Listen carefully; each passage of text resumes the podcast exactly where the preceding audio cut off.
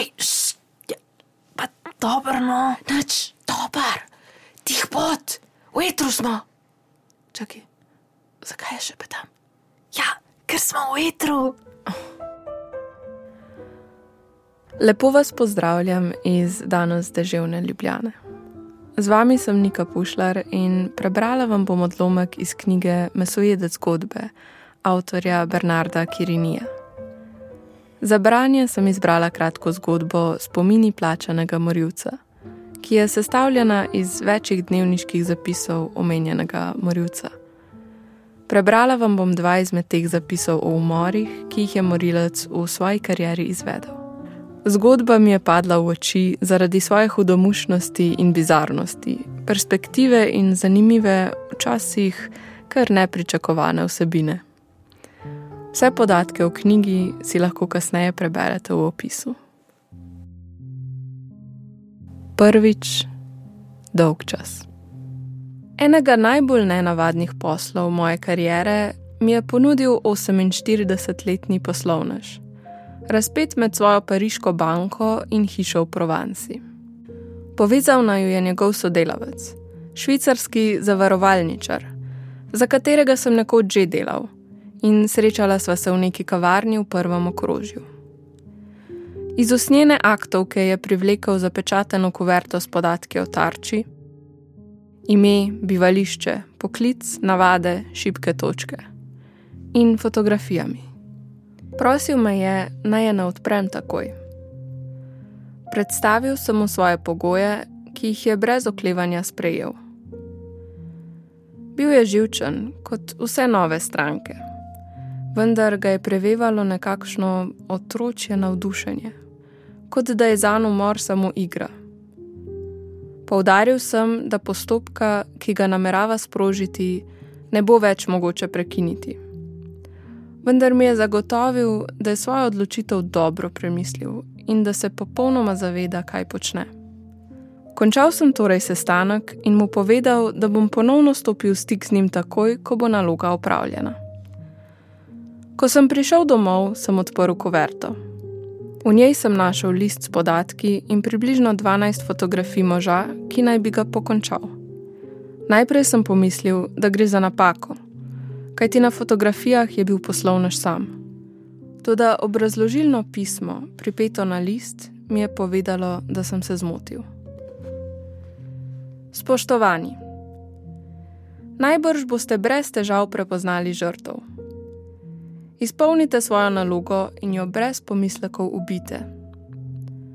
Lahko bi vam ne povedal ničesar več, a sklepam, da vas moji motivi begajo.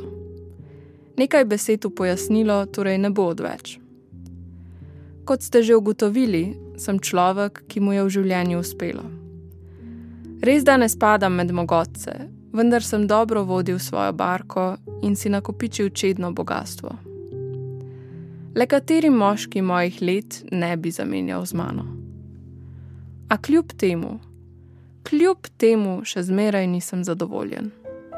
Sem srečen? Ne. Okusil sem samo sladkosti življenja in nobenih začimb.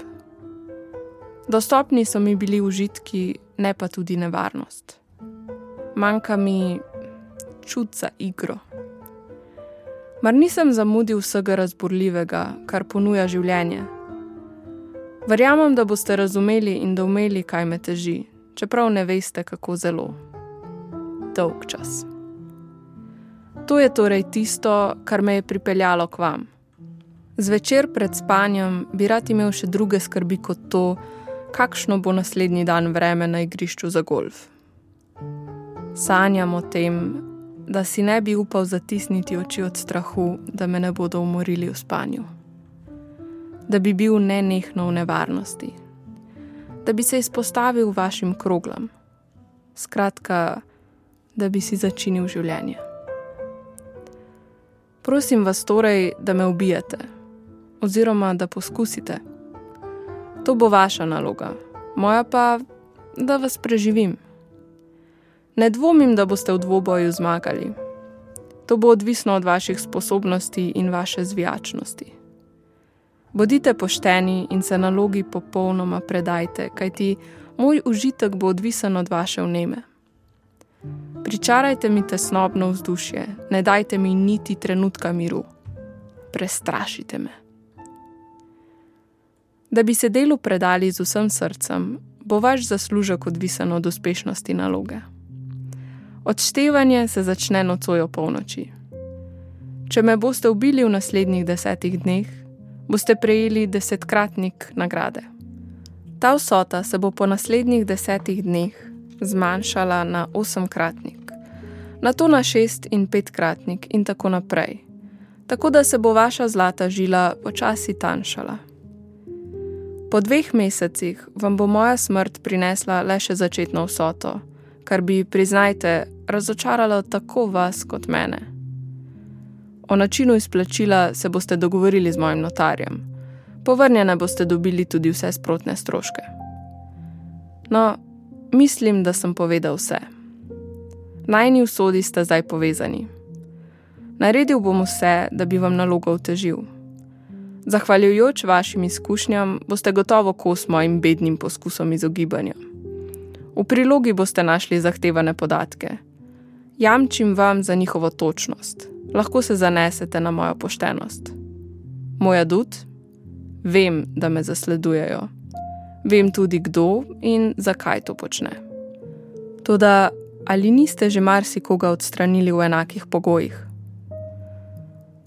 Ko boste prebrali to pismo, bom že na begu. Trepetam ob misli, da mi boste kmalo sledili kot senca.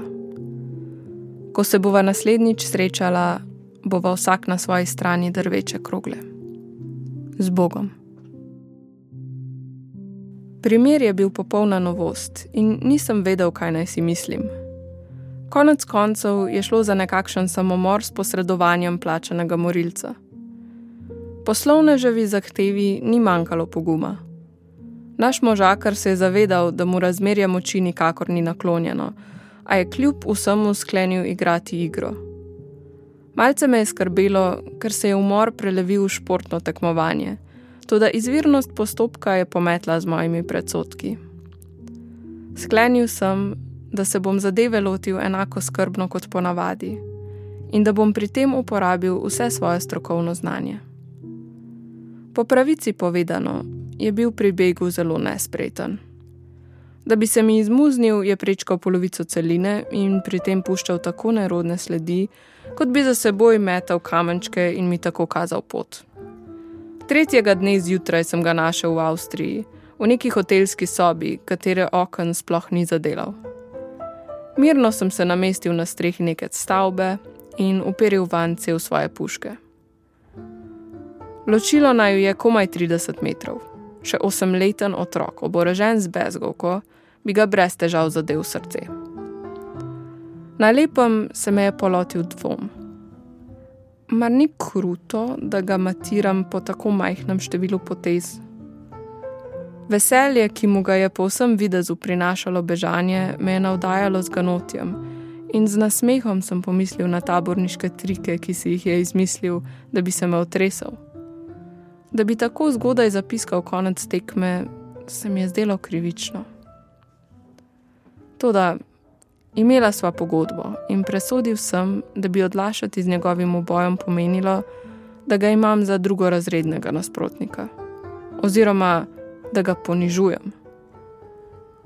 Ustrelil sem ga torej naravnost v čelo, na to pa zabrisal sledi tako skrbno, kot bi šlo za kakega zločinskega mogoca. Na njegov pogreb sem poslal šopek rož, ki je obdajal vodno uro brez vode, saj čas za njim ni več obstajal. Za odštevanjem je prišla večna sedanjost njegove smrti, kot si je to želel sam. Naj umor pripravimo še tako skrbno, sestavimo načrt, izberemo okoliščine in opravljamo svoje delo najtemeljiteje na svetu, nas zmeraj lahko kaj preseneti. Posledice lahko tedaj dobijo neverjetne razsežnosti, ki daleč presegajo naše predstave. To sem izkusil na začetku svoje kariere z umorom Dobrija Javorova. Javorov je bil 40-letni bolgar, ki je v času hladne vojne delal kot najemniški vojak v vseh državah komunističnega bloka. Na to se je umaknil iz poslov in postal direktor neke varnostne službe v Strpiniji, koščku ravnine, ki ga prečka Donava. In ki je bil takrat, po mnenju politologov, kljub svojemu skromnemu obsegu, največje žarišče nestabilnosti v srednji Evropi. Razlogov, zaradi katerih je bilo treba Javorova ubiti, nisem poznal. Maščevanje ali preventiva ni važno. Res pa je, da je bila ta naloga prva, pri kateri se mi je obetalo plačilo v znesku šestmestnega števila dolarjev. Imel sem občutek, da stopam med velike, kot mlad odvetnik, ki ni še nikoli nastopil pred sodiščem. Bil sem vročičen. Potreboval sem tri dni, da sem našel svojo tarčo. Podatki, ki sem jih dobil, so bili napačni in zadevo sem moral raziskati sam.